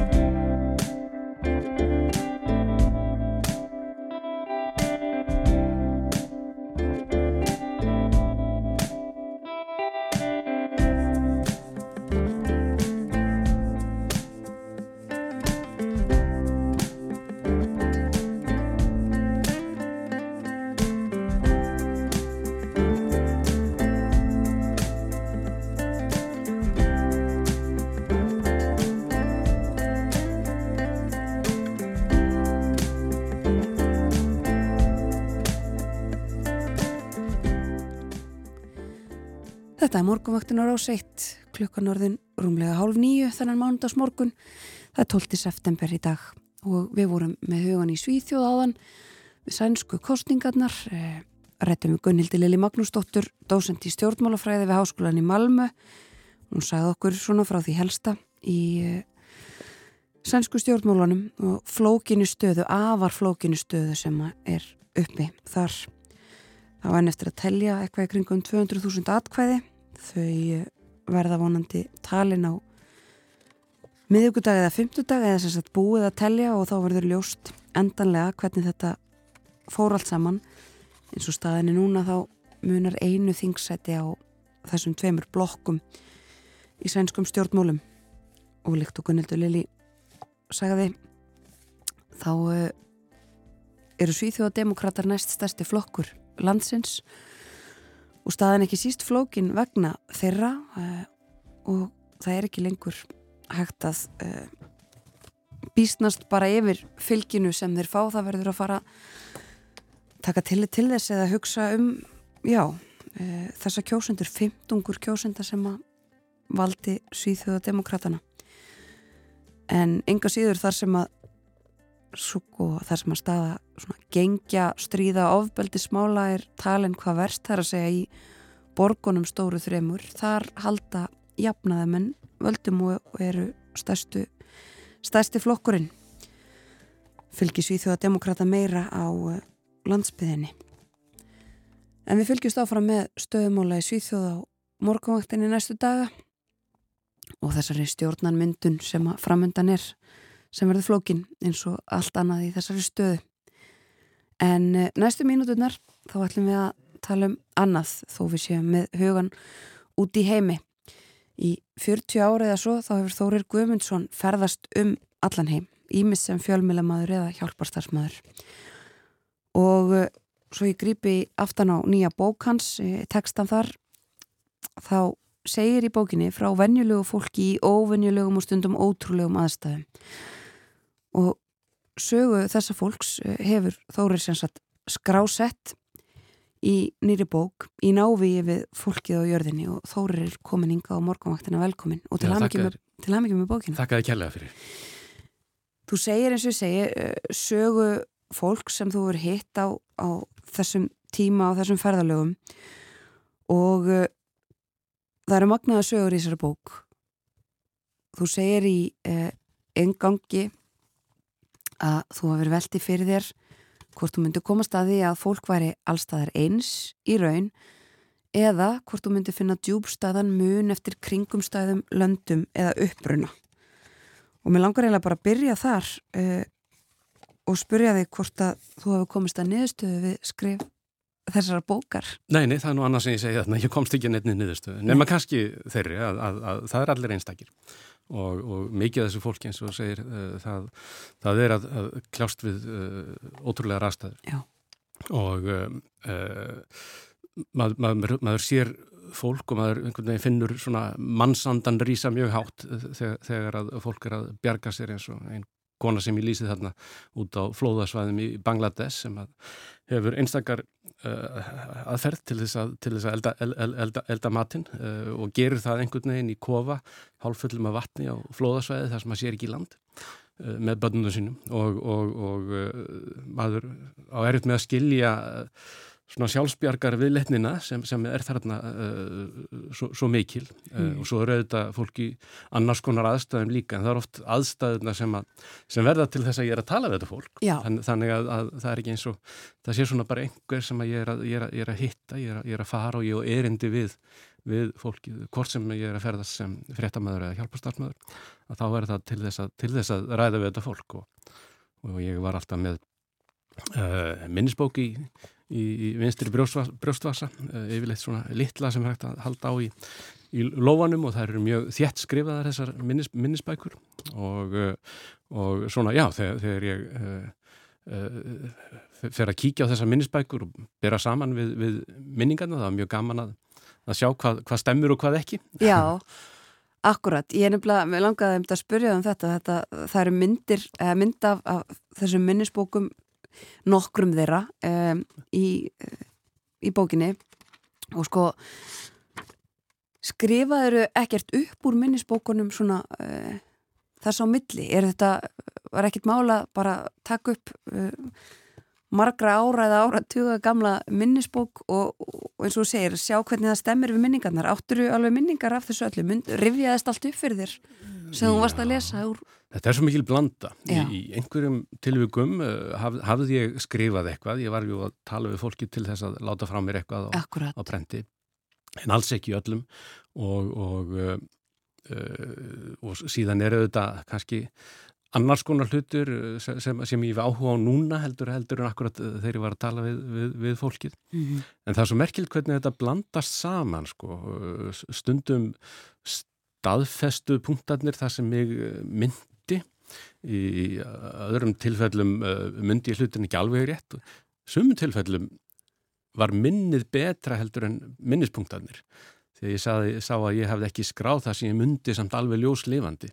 Og, og kannski var það vegna þess að ég skrái það sem ég þarf að muna einhvern veginn, en svo er eitthvað annað sem að, sem að bara stendur manni uh, svona ljóslefandi fyrir augum, það er svona bara kringumstæðunar, uh, hvernig, hvernig, hvernig aðstæðunar eru og annað slikt Akkurat, og auðvitað eins og þú nefndi láðan með uh, konuna í Bangladesh og það eru þetta fólk á það auðvitað samanlega þessar sögur eru kannski bara mjög eftirminnilegar af því þær eru ofinjulegar Já Það, já, nákvæmlega. Og það sem er að gerast í kring er, Já. það er eitthvað sérstætt í sumu tilfellum er það uh, náttúruhanfærir, gífurleg flóð, uh, jarðskjáltar, það er stríð, það er innanlandsófriður, en líka bara svona þessi, þessi venjulega hérna, bara þetta við að komast af í, í fátökulandi til dæmis Uh, og þetta er svona hérðan og þaðan. Ég var að reyna að, að taka ekki bara til sögur sem væri svona einsleitar kannski, uh, já þetta er margar sögur til og meins frá Afríku uh,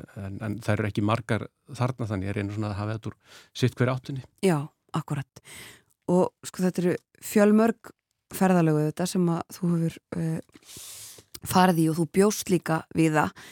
Þetta er ekki bara stuttar eða lengri ferðir á einhverja staði en sko er þetta allt eftirminnilegt og svona minnistætt? Já, þetta, já. og þetta og þetta miklu fleira já. En, en já, já, já, það, það, það er það, það er það og þar uh, kemur kortækja til, það er aðstæðunar en það er líka fólkið að, og, og þetta er kannski fólkið sem er eftirminnilegt vegna þess, vegna einhvers sérstags uh, kona sem ég lýsið þarna sem ég hitti með, með 25 ára millibili. Uh, annars vegar strax eftir, eftir jarðskjálta og, og, og síðan fyrir algjöra tilviljun þegar ég kem á uh, sama skjáltasvæði sem er, er þá svæði sem er borg sem kom með allt annað heiti og ég í rauninni vissi ekki alminlega fyrirfram að þetta væri staðurinn sem ég væri að fara á og kem síðan bara í skólan sem var byggður sem hafði hrunið uh, aldarfjörðingi fyrr og hitti kona sem ég hafði rætt við þá. Þannig að, að það eru þetta alveg ótrúlegar aðstæður Já. og síðan bara uh, ég talaði þarna við, við hriðiverka höfðingi getur við sagt, uh, leittóa uh, sem, sem að er mjög eftirminnilegur ekki fyrir það hvað mannsandin er í sátt heldur, heldur fyrir ílsku og, og, og ég áilega yngar góðar minningar á þeim fundi en, en mjög sterkar hins vegar. Já akkurat. Þeim fundum, þeir eru tver. Já, einmitt. E, áttu þeir uppáhalds sögu í þessari bók e, eða eitthvað svona e, kannski, erfitt að tala um uppáhaldsferðalag eða eitthvað svoleiðis að þetta eru auðvitað ekki, yfirleitt ekki, sko, kemur ekki til að góðu. Nei, en Uh, sko ég, ég verði eiginlega að nefna kjenslukonuna í Armeníu uh, það var bara svo ótrúlega tilvílin að hitta sömu mannesku mm -hmm. aldarfjörðungi síðar. Þegar sko uh, veit ekki hvað ég á að segja mikið en börnin uh, sem hún var að kenna þau dó. Og ég hitt hana við þær aðstáðir uh, skömmu síðar. Og, og, og gífurleg sorg sem að, sem, sem að ríkti frá minningaratöfnum þetta á þeim tíma. Og, og þessi tilviljun að hitt hana í fallegum uh, skóla Eh, sem, sem, sem er búið að endurreisa sumsi eh, þar sem er allt fullt af krökkum og þau voru að, þetta var á vegum Rauðakrossins þarna í síðara sinnið, ég hitt hana sem fréttamaður í fyrra sinnið eh, að, að hérna, og þá voru þau að svona fara í gegnum uh, prógram sem að Rauðakrossinu í Íslandi stutti uh, varandi það hvernig þetta bregðast við jarðskjálta mm. þannig að það var svona margt í, í svona uh, varðandi, varðandi þennan kabla í bókinni sem, sem, sem er eftirminnilegur. Já emitt og maður getur ímyndið sér það að það sé margt mjög eftirminnilegt. En svo segir þú hefur bæði ferðast sko uh, sem fréttamaður og uh, fyrir hjálparsamtök. Uh, er þetta ólíkt? Ég vil láka kannski að beða þau um að segja bara frá því kannski fyrst hvað er ólíkt þegar þú ferðast svona en svo líka kannski hvort að eitthvað er líkt þannig með líka. Já, það er kannski, sko, það er fleira sem er líkt uh, og, og, og sérstaklega með að berða saman við, já, bara að fara eitthvað sem almennur ferðamæður.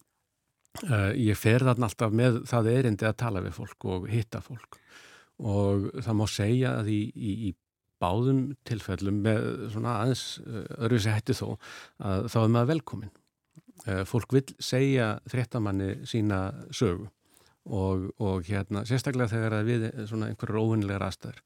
Sama á við uh, þegar ég fer sem, sem hjálpar starfsmöður, þá, þá er ég að skrásetja sögur fólks líka og það veit það og það veit að, að, að, að ég er komið þarna sem svona, ef þetta er, segjum að þessi vopnuð átök sem eru líka þarna, þá, þá, þá, þá er, er ég þarna sem hlutlaus aðili á, á staðnum og það er bæði sem fréttamaður og sem starfmaður Rauðakrossins að, mm -hmm. að, að það er alveg viðurkent hlutverk að vera þarna og sko almennir ferðamenn komast ekkit uh, alltaf inn á heimili fólks en ég var oft bóðinn uh, inn, inn á heimili. Fólk vildi uh, bjóða gestinum uh, og, og maður svona, finnur það, maður er auðfúrsgestur og, og, og það er bóðið upp á, á, á, á kaffi eða oftar te á þessum stöðum sem ég verði á og hérna, og það verða oft mjög góðar samræður og einlægar jáfnvel og fólk vil tala. Já.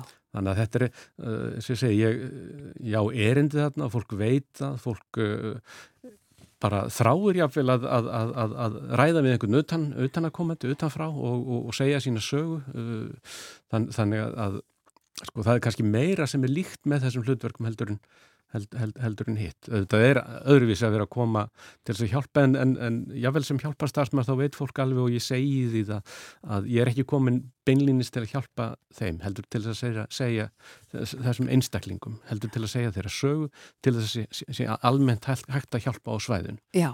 Akkurat. Eh, og það sama á í raunin oft við eh, fréttamennskuna að, að, að hérna, það þegar að fólk um, erlendis veit, veit meir um hvað er að gerast að, þá verður það kannski til þess að verður einhver hjálp sem að kemur. Já, akkurat, það er að miðla Það er að miðla uh, Miðla, já, já. sögum fólks já. og aðstæðum á, á staðunum Já, og er svo mikilvægt og finnst mér alveg sérstaklega fyrir fá, fámynd fólk á, á eigúti allasafi að, að, að hérna takk ekki bara við uh, svona niðursánum fréttum uh, frá útlöndum heldur að það sé einhver sem að, einhver íslendingur, einhver sem talar íslensku sem, sem, sem að getur miðlað og ég vil aldrei persónulega frá því sem er að gerast. Já, einmitt, við verðum eiginlega að tala aðeins nefnilega um það, sko mikilvægi þess að fara á staðin, tala við fólki á staðinum en einmitt eins og þú segir, takk ekki bara við fréttaskeitum með einhver einhver staðar annar staðar frá. Það er allt öðru vísi að hafa einhver á staðinum. Já.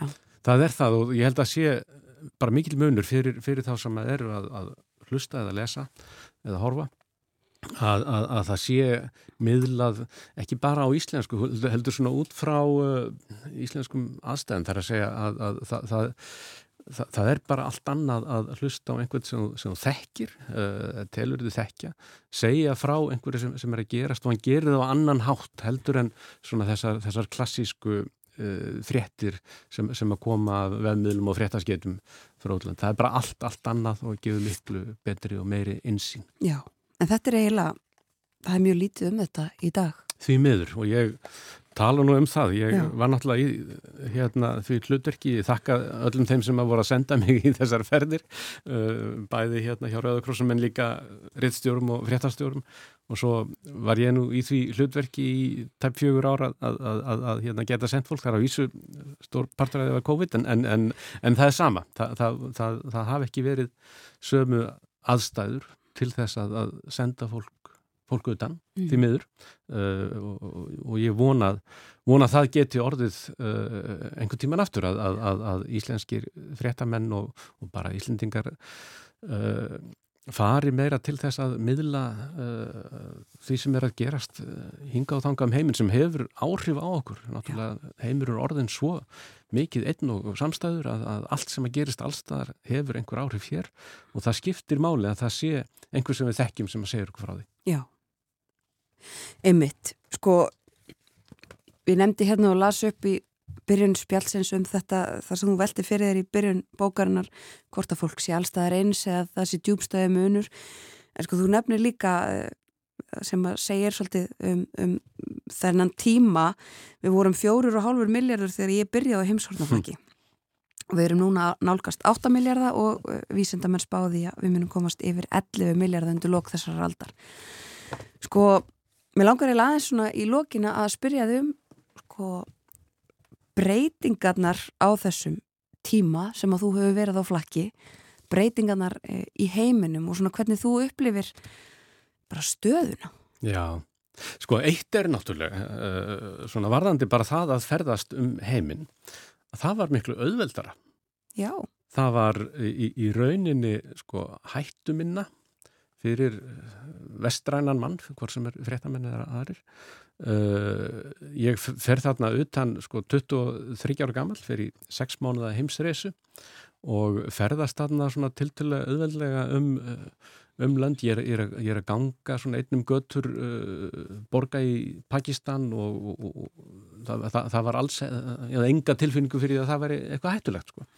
Og, og hérna þannig, þannig að það er mjög margt sem, sem var hægt á þessum tíma. Ég held að þetta hefði verið einhver, einhver svona þannig að ef, ef við tökum sko nýjunda áratugin þá, þá, þá, þá er það tímið þar sem að, þar sem að staðan í heiminum er einhvern veginn þannig að, að mörg land sem, sem að nú uh, væri ekki óhætt að, að fara einnum að þau voru, það var bara mjög öðvilt að ferðast um þau og, og hérna fréttamenn allstaðar uh, í rauninu auðfúsgestir uh, og, og svona viðurkenning fyrir þeirra hlutverki. Uh, það hefur líka breyst. Það, það, það er hérna það var einmitt síning hérna frettaljósmyndara í kringlunni núna. Ég var að skoða myndirnar og einmitt að revja, revja upp hvað hérna hversu margir frettamenn hafa verið hafa verið drefnir og hansamaðir út um allt í löndum sem að, sem, sem að þá var mjög öðvöld að ferðastum en, en er ekkit endilega öðvöld núna og ég er bara hættulegt. Þannig að það var, það var nú eitt. Svo er auðvitað uh, smám saman hefur bara fyrir, fyrir fréttamann orðu auðvöldar að, að, að, vinna sko, ég er þarna með, með, með mínar minnisbækur sko. Og hérna þegar ég sendi, ég var til dæmis að senda, það er, það er sagað þarna um hriðverkarliðtóðan í, mm -hmm. í Punjab Jarnel Singh Bindranvali ég, ég, ég hérna sendi einmitt sko á þeim tíma kassettu Uh, á fréttastofuna og hérna heldur held hann að verið stíluð á Kára Jónasson og, og hérna hún barst rétt í tæka tíð til þess að væri hægt að spila lýsinguna á honum uh, þegar hann var drefin mánuðið síðar, Já. mánuðið eftir í hittan og hérna ég man alltaf hvernig ég byrjaði sko, hann hefur svört stingandi aug uh, og þessi maður var svona fyrir mér sko bara, ég var að hitta hér illa þegar ég talaði þennan mann. Mjög undarlegt að finna þá tilfinningu. Uh, og, og svona menn eru náttúrulega hingað og þangað. Mm -hmm. nú eru menn að velta því fyrir sér. Ég hérna, var að hitta sikka um daginn sem að, sem að sagði mitt já í minni fjölskyldu menn að ræða hvort þetta hefur verið sko heilagur maður sem að hérna byrja að virða eða hvað, hver hans staða er. Og ég, ég næstum trúði ekki hvað ég var að hlusta á. Nú, nú, nú er þess að því að hann dóð þarna uh, píslarvætti stöða þá voru menn að velta því fyrir sér hvort að, hvort, eh, hvort, hvort að þetta hefði verið píslarvottur eða, eða, eða hvað. Fyrir mér er fram bara hriðverkamæður sem er að drepa fólk. Uh, en spurningin var, var, var, var önnur og auðvitað er heimurinn allt, allt öðruvísi og, og þa þarna, þarna er maður líka að ferðast á þess að það sé hægt að bara ringja heim eða senda, senda, senda SMS eða mm -hmm. fara á Facebook. Þetta var á Índlandi þurftum að býða kannski þrjáða fyrir dag eftir að fá línu heim. Já. Á póstúsinu Einmitt, Þetta hefur ráðið allt gjörbreyst og auðveldara að miðla Já. á sama tíma og við kannski gerum minna af því eins og við fórum yfir áðan.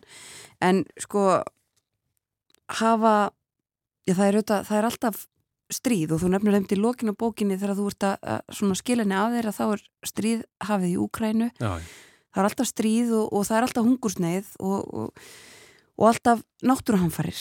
Um, en hafa svona hefur þetta breyst samt sko, finnst þér?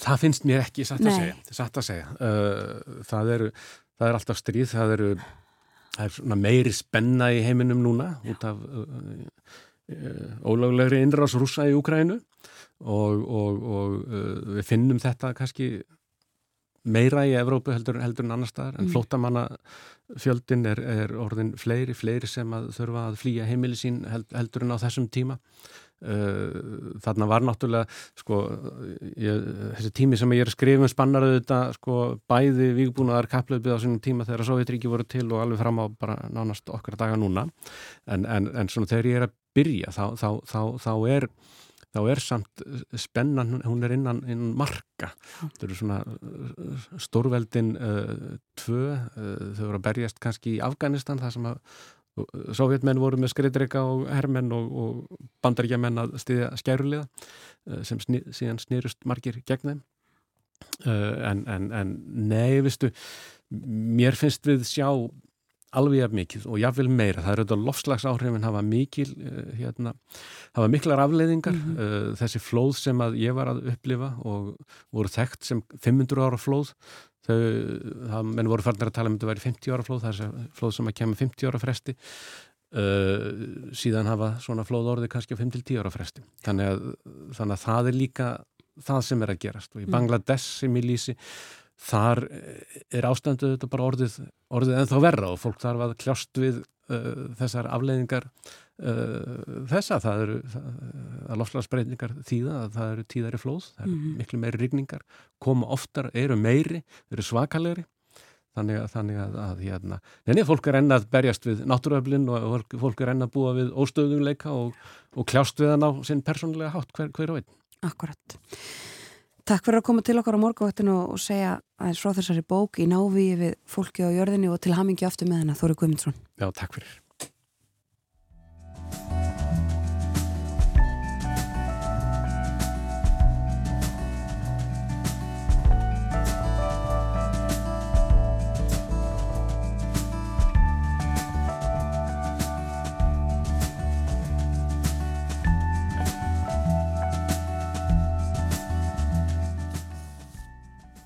Morgonvaktin er lokið þennan morgunin. Við höfum setið hér frá því fyrir klukkan 7 í morgun og verðum hér aftur í fyrramálið. Bjóðum góðan dag þegar klukkunum átta 10 mínutur í 7. Þau okkur samfélgina í dag. Njótið dagsins.